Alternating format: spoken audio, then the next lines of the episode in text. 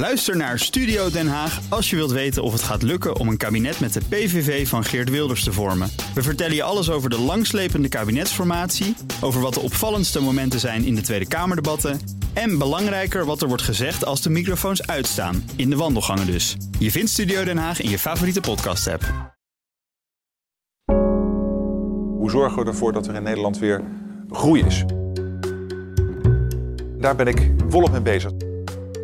De economische groei van Nederland valt toch een stuk lager uit dan verwacht. Weten we ook hoeveel economische groei we als gevolg hiervan De mislopen? economie groeide in het tweede kwartaal van dit jaar maar met een magere 0,4 procent. En goed nieuws, want de Nederlandse economie is in het tweede kwartaal met 2,6% gegroeid.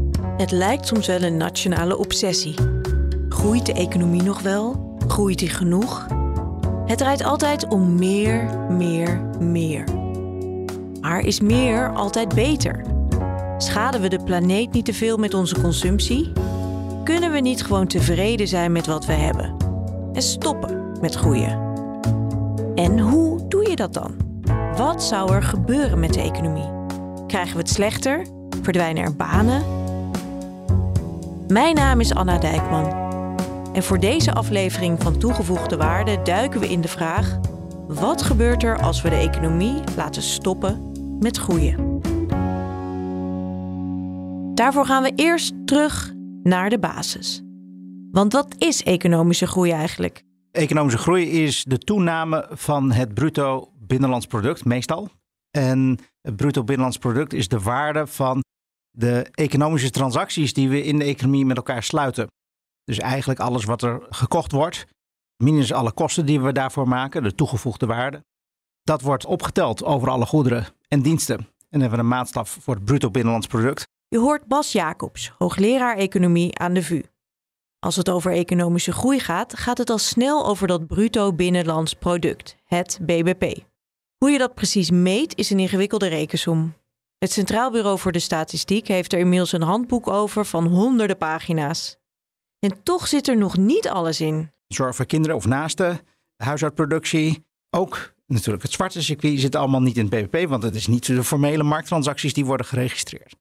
Je kan bijvoorbeeld zien in de Scandinavische landen dat daar het BBP relatief hoger is ten opzichte van zeg maar, Zuid-Europese landen. Alleen al vanwege het feit dat ze daar de zorg voor kinderen geformaliseerd hebben via kinderopvang en scholingssystemen, waarbij een deel van de zorg vanuit de private sector naar de publieke sector is verplaatst en nu ineens meetelt voor het BBP. Dat meten van de economie gebeurt eigenlijk nog niet eens zo heel erg lang. Een van de eerste pogingen hebben we te danken aan de Engels-Nederlandse oorlog in de 17e eeuw. Om die oorlog te financieren moesten de Engelsen forse belastingen betalen. De Engelse wetenschapper William Petty vond dat oneerlijk. Volgens hem mochten belastingen nooit hoger zijn dan de inkomens. Dus ging hij aan de slag om te berekenen hoe groot de bezittingen en inkomens van Engeland nou eigenlijk precies waren. Bijna 300 jaar later, in de jaren 30 van de vorige eeuw, legde de Amerikaanse econoom Simon Kuznets de basis voor de huidige manier waarop we de economie meten. Het was destijds crisis en er was grote behoefte om te weten hoe erg de economie nou precies was geraakt. Opvallend genoeg waarschuwde Kuznets het Amerikaanse congres er toen al voor om niet te veel te focussen op dat BBP. Dat zegt op zichzelf namelijk niets over de kwaliteit van leven en hoe het met mensen gaat. Het BBP gaat over het totale inkomen of het gemiddelde inkomen, hoe hard dat groeit. Maar het zegt niks over wie die groei krijgt. Je zou kunnen denken dat meer BBP-groei per definitie leidt tot een hogere welvaart, maar dat is niet zo. Meer BBP-groei levert wel meer goederen en diensten op. Daarvan gaat de welvaart omhoog, maar het houdt geen rekening mee met hoeveel offers we daarvoor hebben gebracht. Door bijvoorbeeld hoeveel hard we hebben moeten werken. Houdt ook geen rekening met de kosten van milieuvervuiling. Dus BBP is om allerlei redenen geen goede welvaartsindicator. Maar het zegt iets over het tempo waarmee de economie beweegt. Bas maakt dus onderscheid tussen BBP en welvaart. Welvaart is veel breder en gaat ook over dingen als schone lucht of veiligheid. Maar het is erg lastig om één maat voor welvaart te vinden. Zelfs al kun je voor sommige dingen misschien nog iets meten, voor heel veel dingen niet. En dan moet je een politiek oordeel vellen van hoeveel ben je bereid daarvoor te betalen om een maatschappelijke welvaartsberekening te maken. Nou ja, dat kunnen wetenschappers niet. Dus de pogingen die worden ondernomen om welvaart te berekenen, die vind ik best ingewikkeld. Want het zijn dan die wetenschappers die opleggen hoe belangrijk bepaalde aspecten van welvaart zijn voor de samenleving. En ik denk dat de wetenschap niet kan beslissen over hoe belangrijk, ik noem maar wat, klimaat is ten opzichte van gezondheidszorg of ten opzichte van veiligheid in wijken. Dat kunnen wetenschappers niet bepalen. En daarom kijken we toch weer naar dat BBP als het over de economie gaat, hoe onvolledig het ook is. Terug naar de groei. Want er is niet altijd economische groei geweest. En technologische ontwikkelingen spelen daarbij een grote rol. Economieën hebben tot aan de industriële revolutie vrijwel niet gegroeid. De levensstandaard was ruwweg constant over de tijd. Dit is een overdrijving. Maar met de industriële revolutie hebben we gezien dat dankzij een aantal hele belangrijke technische ontwikkelingen we eigenlijk iedere generatie in inkomen per hoofd zijn verdubbeld. De technologische ontwikkeling bepaalt de stijging van het BBP per hoofd van de bevolking op lange termijn. En uiteindelijk is dat de belangrijkste motor van economische groei. En als die technologische ontwikkeling gedreven wordt door het feit dat we gewoon met schaarse productiefactoren uiteindelijk meer kunnen doen, is dat winst voor de samenleving. Pure winst. En daarom kan ik ook niet naar economische groei kijken als zonder meer iets, iets slechts. Toch zijn er mensen die daar anders over denken. Groei ter discussie stellen is geen optie. Nou ja, dan moeten we maar op dat pad door.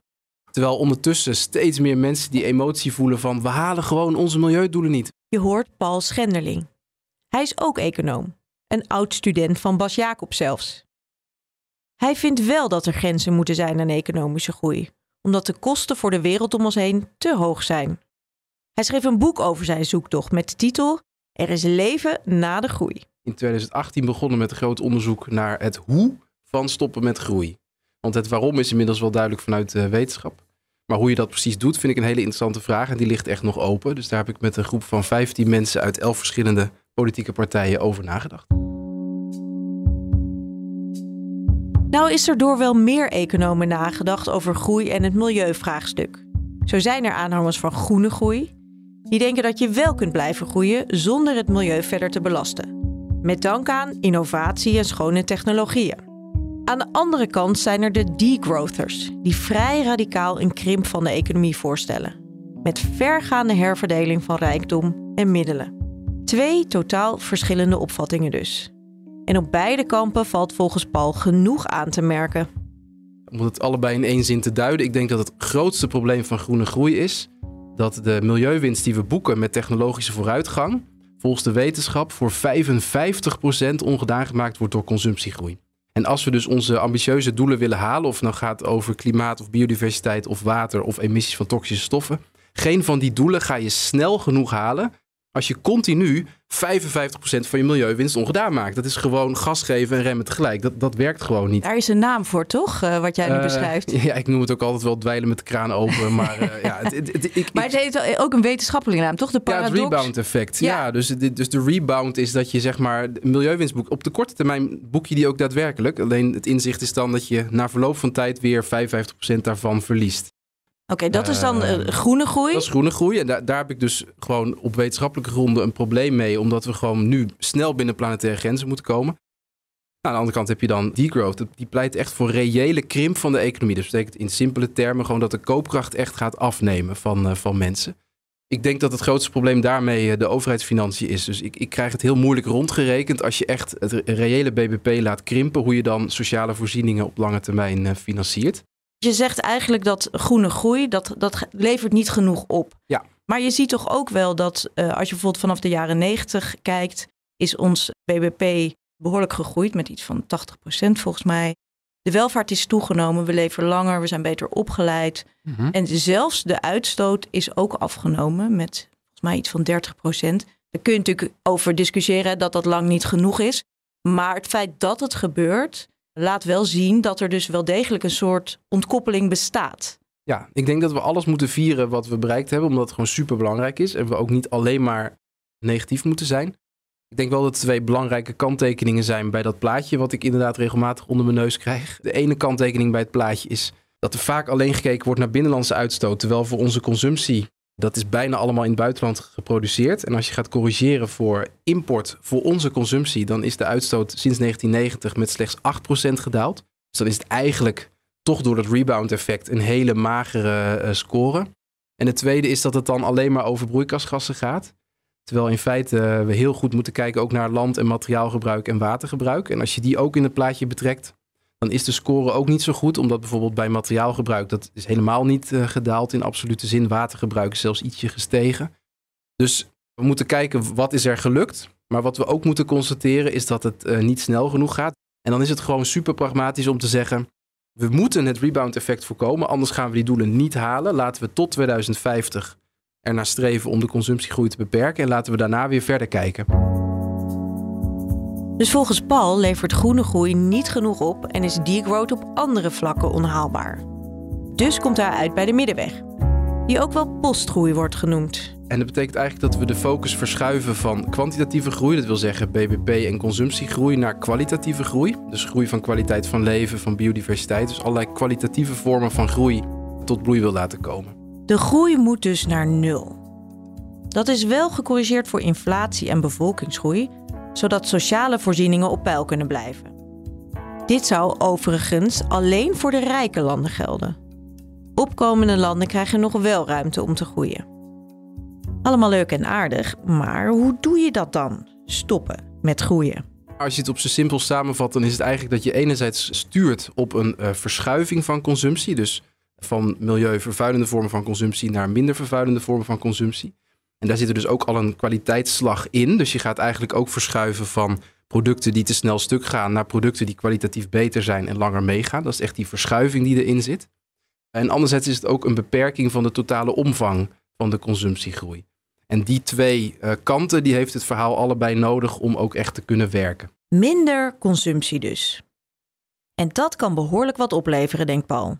Ik heb het zelf geprobeerd te kwantificeren. Dat is trouwens heel lastig. Ik heb het op twee manieren gedaan. Meer die macroblik, maar ook gewoon in mijn eigen huishouden. Dus samen met mijn vrouw ben ik zeven jaar geleden begonnen. Om bij elk product dat stuk ging, helemaal te gaan researchen van hoe kan ik een product met lange levensduur terugkopen.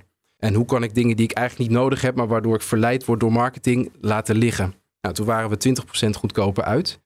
Via de macrobenadering kom je daar ook ongeveer op uit dat we ongeveer 20% van ons BBP, en dat is dus echt huge, besteden aan dingen die eigenlijk door marketing en door technische beperkingen, dus door de levensduur kunstmatig te verkorten, verspilling van energie en materialen zijn. Om die consumptie van kwantiteit naar kwaliteit te verschuiven, zouden er strengere kwaliteitsnormen voor producten moeten komen. Ook zou consumptie zwaarder belast moeten worden, zodat er een prikkel is om duurzamer te consumeren en te produceren. Belasting op arbeid zou dan omlaag kunnen, zodat de koopkracht niet achteruit gaat en ook lagere inkomens nog genoeg te besteden hebben. Wat we dan moeten voorkomen is dat we daarna weer 55% van de milieuwinst die we dan geboekt hebben, ongedaan maken door opnieuw de consumptiegroei toe te staan. En dat kan bereikt worden door minder te werken, denkt Paul. We consumeren immers 20% minder. Dus hebben we ook minder inkomen nodig. Een 30-urige werkweek betekent dat eigenlijk heel concreet. En een 30-urige werkweek betekent minder stress, meer vrije tijd. Dus ook goed voor de kwaliteit van leven. En het betekent tegelijkertijd een langzame beperking, waardoor de koopkracht niet langer blijft stijgen, maar stabiliseert. Dus daarmee voorkom je dat dus de milieuwinst die je met die eerste stappen hebt geboekt, weer ongedaan gemaakt wordt. Ja, maar en hoe ga je dat dan bereiken? Want het kan natuurlijk heel goed zijn hè, dat een deel van de mensen zegt, nou, ik ga inderdaad minder werken. Maar misschien zegt een ander deel wel, ja, maar ik wil juist mijn consumptie toch op peil houden. En dan toch dus meer gaan werken. Ja, maar dan is het eigenlijk al verbluffend hoeveel je kunt winnen als je alleen al met de mensen die dat vrijwillig willen aan de slag gaat. Dus uh, het CNV heeft ook een grote, uh, hele grote enquête gedaan. Echt 3000 mensen hebben daaraan deelgenomen. Waaruit blijkt dat ongeveer 60% van de mensen het idee van een 30-urige werkweek een heel goed idee vindt. En de andere 40% die zul je enerzijds denk ik overtuigen door te laten zien wat het oplevert. Dus ik denk heel erg dat, uh, ja, is trouwens met verandering van consumptiepatronen idem. Dat als je ziet hoe goed dat uitpakt, dat je dan andere mensen er ook toe kunt verleiden. En ik denk ook, laat ik daar gewoon realistisch in zijn, dat er altijd een groep mensen zal blijven die dat misschien niet willen. Ja, dan kun je twee dingen doen. Of je zegt, we hebben de, het rebound effect nu zo ver teruggedrongen Dat is uh, niet een heel groot probleem meer. Of je zegt, om binnen de planetaire grenzen te komen, moeten we echt nog een stap bijzetten. En dan zou je er bijvoorbeeld voor kunnen kiezen om de inkomstenbelasting wat progressiever te maken. Dus de, de hoogste schijf belastingpercentage daarvan wat hoger te maken. Zodat je in ieder geval voorkomt dat de mensen die zeggen ik ga niet voor die 30 uur werkweek, dat die dan toch weer een groot deel van de milieuwinst die we geboekt hebben met die 60, 70 procent die wel wil, ongedaan maken. Je ziet eigenlijk al vormen van, eh, of pogingen tot krimp moet ik misschien beter zeggen, bijvoorbeeld met Schiphol, maar nog veel controversiëler, de landbouw bijvoorbeeld. Ja. En dan zie je ook de enorme weerstand die dat bij veel mensen toch oproept. Is er dan toch genoeg draagvlak, vraag ik me af. Ik denk zelf dat het draagvlak gaat komen op het moment dat we die, die verschuiving van consumptie gaan uitvoeren en mensen daarbij zullen ontdekken: hey, producten worden beter en ik hou ook nog meer geld over. Dus ik denk dat dat de manier moet zijn om mensen te verleiden om op een andere manier te gaan denken. En wat betreft krimp, dan noem je twee voorbeelden die wel super verschillend zijn, om heel eerlijk te zijn. Want ik denk dat Schiphol, dat daar wel heel veel steun is, ook publieke steun, om te zeggen, daar moeten we echt niet verder in groeien. Omdat het gewoon uh, ook een vorm van luxe is, waar vooral een hele kleine elite heel veel gebruik van maakt. En als we dat beperken en we houden het ook een beetje toegankelijk voor de rest van de bevolking, want we mogen nog wel vliegen in, uh, ja, in het postgroei-scenario. Uh, nou, in ons boek doen wij een, een, heel concreet het voorstel voor een progressieve heffing op vliegtickets. Want waar ik denk dat de weerstand zit, is als we vliegen over de hele linie duurder zouden maken. En dat alleen nog maar mensen die heel rijk zijn kunnen ja, vliegen. Precies. Terwijl als je een progressieve heffing op vliegtickets invoert, dan wordt zeg maar de ticket duurder naarmate je meer vliegt. Zodat het ook nog een beetje democratisch blijft. Dus ja, dat is echt een totaal ander verhaal.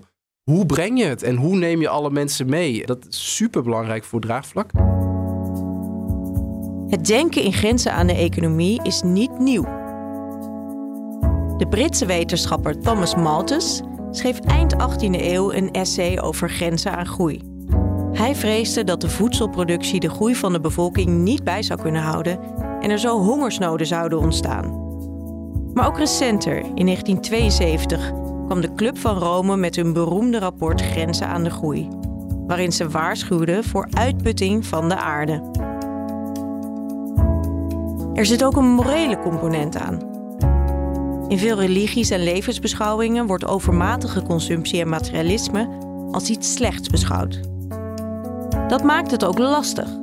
Hoe bepaal je wat goede, slechte of zinvolle consumptie is? Die vraag legde ik ook Paul voor kan me voorstellen dat mensen dat ook een beetje ehm, tegen de borst stuiten. Van ik mag toch zelf bepalen wat ik doe. En als ik heel veel goedkope troep wil kopen, omdat ik dat leuk vind, dan doe ik dat lekker. Ja, nou, ik, ik denk dat dat gewoon een waarde is in de samenleving die jij uitdrukt. Dus gewoon de waarde van zelfbeschikking en autonomie. En ik denk dat het precies diezelfde waarde is, waardoor ik ook zeg: Ik heb nu een zoontje van vier, die gaat het jaar 2100 halen. En ik wil dat hij precies diezelfde persoonlijke vrijheid heeft om ook nog op een leefbare aarde te wonen en dat er hopelijk nog wat grondstoffen voor hem overblijven als hij ook een, een telefoon wil kopen. En dat zijn precies de dingen die we nu op het spel zetten. En die we zeker niet moeten afschaffen. Dus ik ben echt heel erg tegenstander van te veel uh, inperken door te normeren.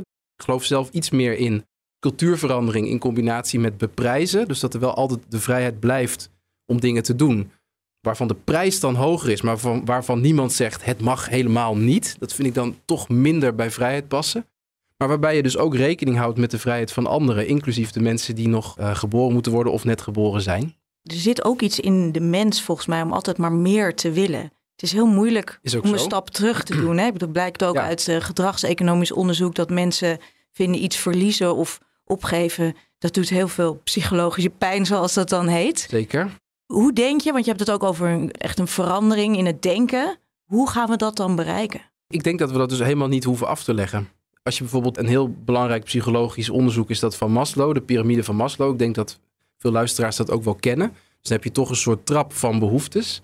En helemaal bovenaan staat toch zelfrealisatie. Dus dat je uiteindelijk van jezelf een beter mens maakt, een meesterschap ervaren, ergens goed in zijn, goede relaties hebben met anderen, ik denk dat dat uiteindelijk iets is waar we eindeloos in willen blijven groeien en ook in kunnen blijven groeien, omdat dat ook in een postgroeisamenleving het geval zal zijn. Sterker nog, ik denk dat nu heel veel mensen die hoogste trap op de piramide van Maslow niet halen En juist door ja, bepaalde rem te zetten op wat ik zelf kwantitatieve groei noem, dat alles in materieel opzicht groter moet worden en daarmee ook dominanter over ons leven, gewoon daar een bepaalde grens aan te stellen, zodat we ruimte maken voor kwalitatieve groei. Ja, dat klinkt ook wel een beetje, heeft iets spiritueels bijna. Zo van, Dat heeft het hè, laat, het, eh, laat het materialisme gaan, meer zingeving en gij zult Ja. gelukkig zijn. eh.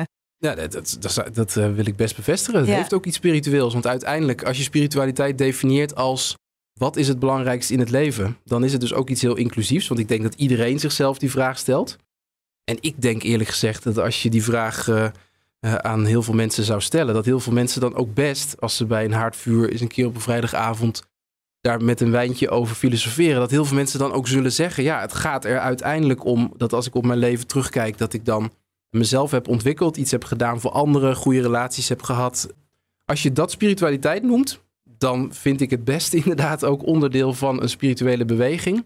Waarvan ik denk dat we ook echt ja, allemaal beter af kunnen, kunnen zijn. Er is ook kritiek op postgroei. Bijvoorbeeld van hoogleraar economie Bas Jacobs. Want hij heeft wel wat bedenkingen bij de groei naar nul brengen. Is het zo dat als je nu op nul groei gaat mikken, of de waarde van zeg maar, klimaatverbetering en andere dingen die je maatschappelijk belangrijk vindt, dat je die meer krijgt, weegt dat op tegen het offer van materiële consumptie die je daarvoor brengt. En dat is niet gezegd. Dus daarom is nulgroei als doel voor mij het verwarren van doel en middel. Het moet gaan over brede welvaart. Als we kunnen groeien met meer materiële consumptie zonder de planeet te verpesten, is dat wenselijk. Als we nul groei hebben, maar wel verbetering van onze planeet, is dat ook wenselijk. Maar iedere combinatie van die twee is dus ook wenselijk. Dus een beetje groei en een beetje verbetering van je planeet.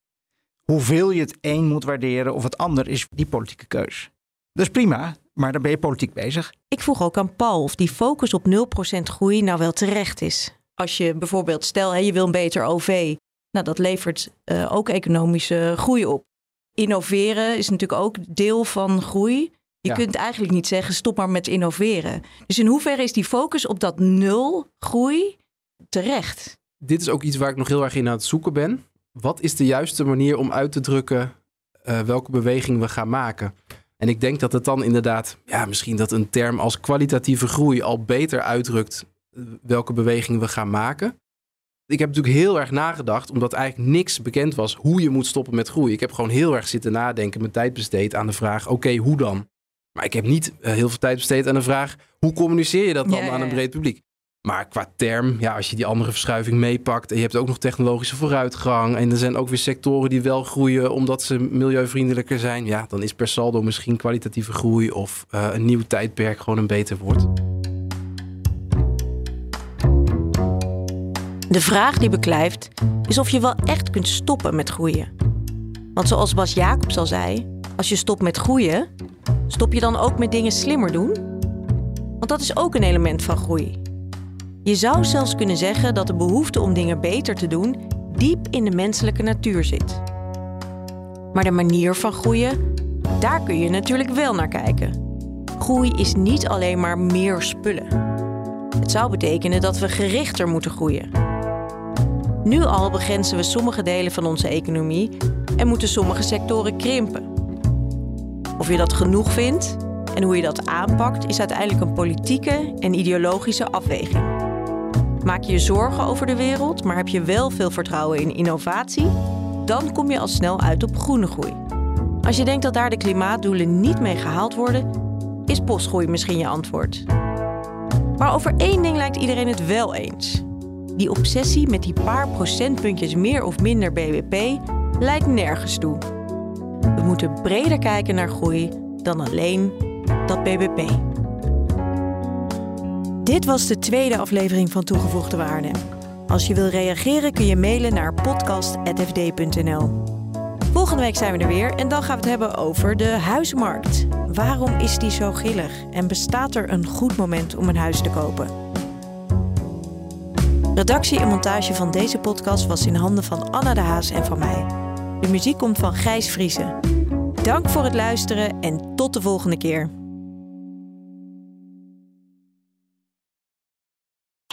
Ook Harm Edens vind je in de BNR-app. Je kunt BNR Duurzaam niet alleen live luisteren in de app, maar ook terugluisteren als podcast, zoals al onze podcasts. En naast dat de BNR-app Breaking News meldt, houden we je ook op de hoogte van het laatste zakelijke nieuws. Download nu de gratis BNR-app en blijf scherp.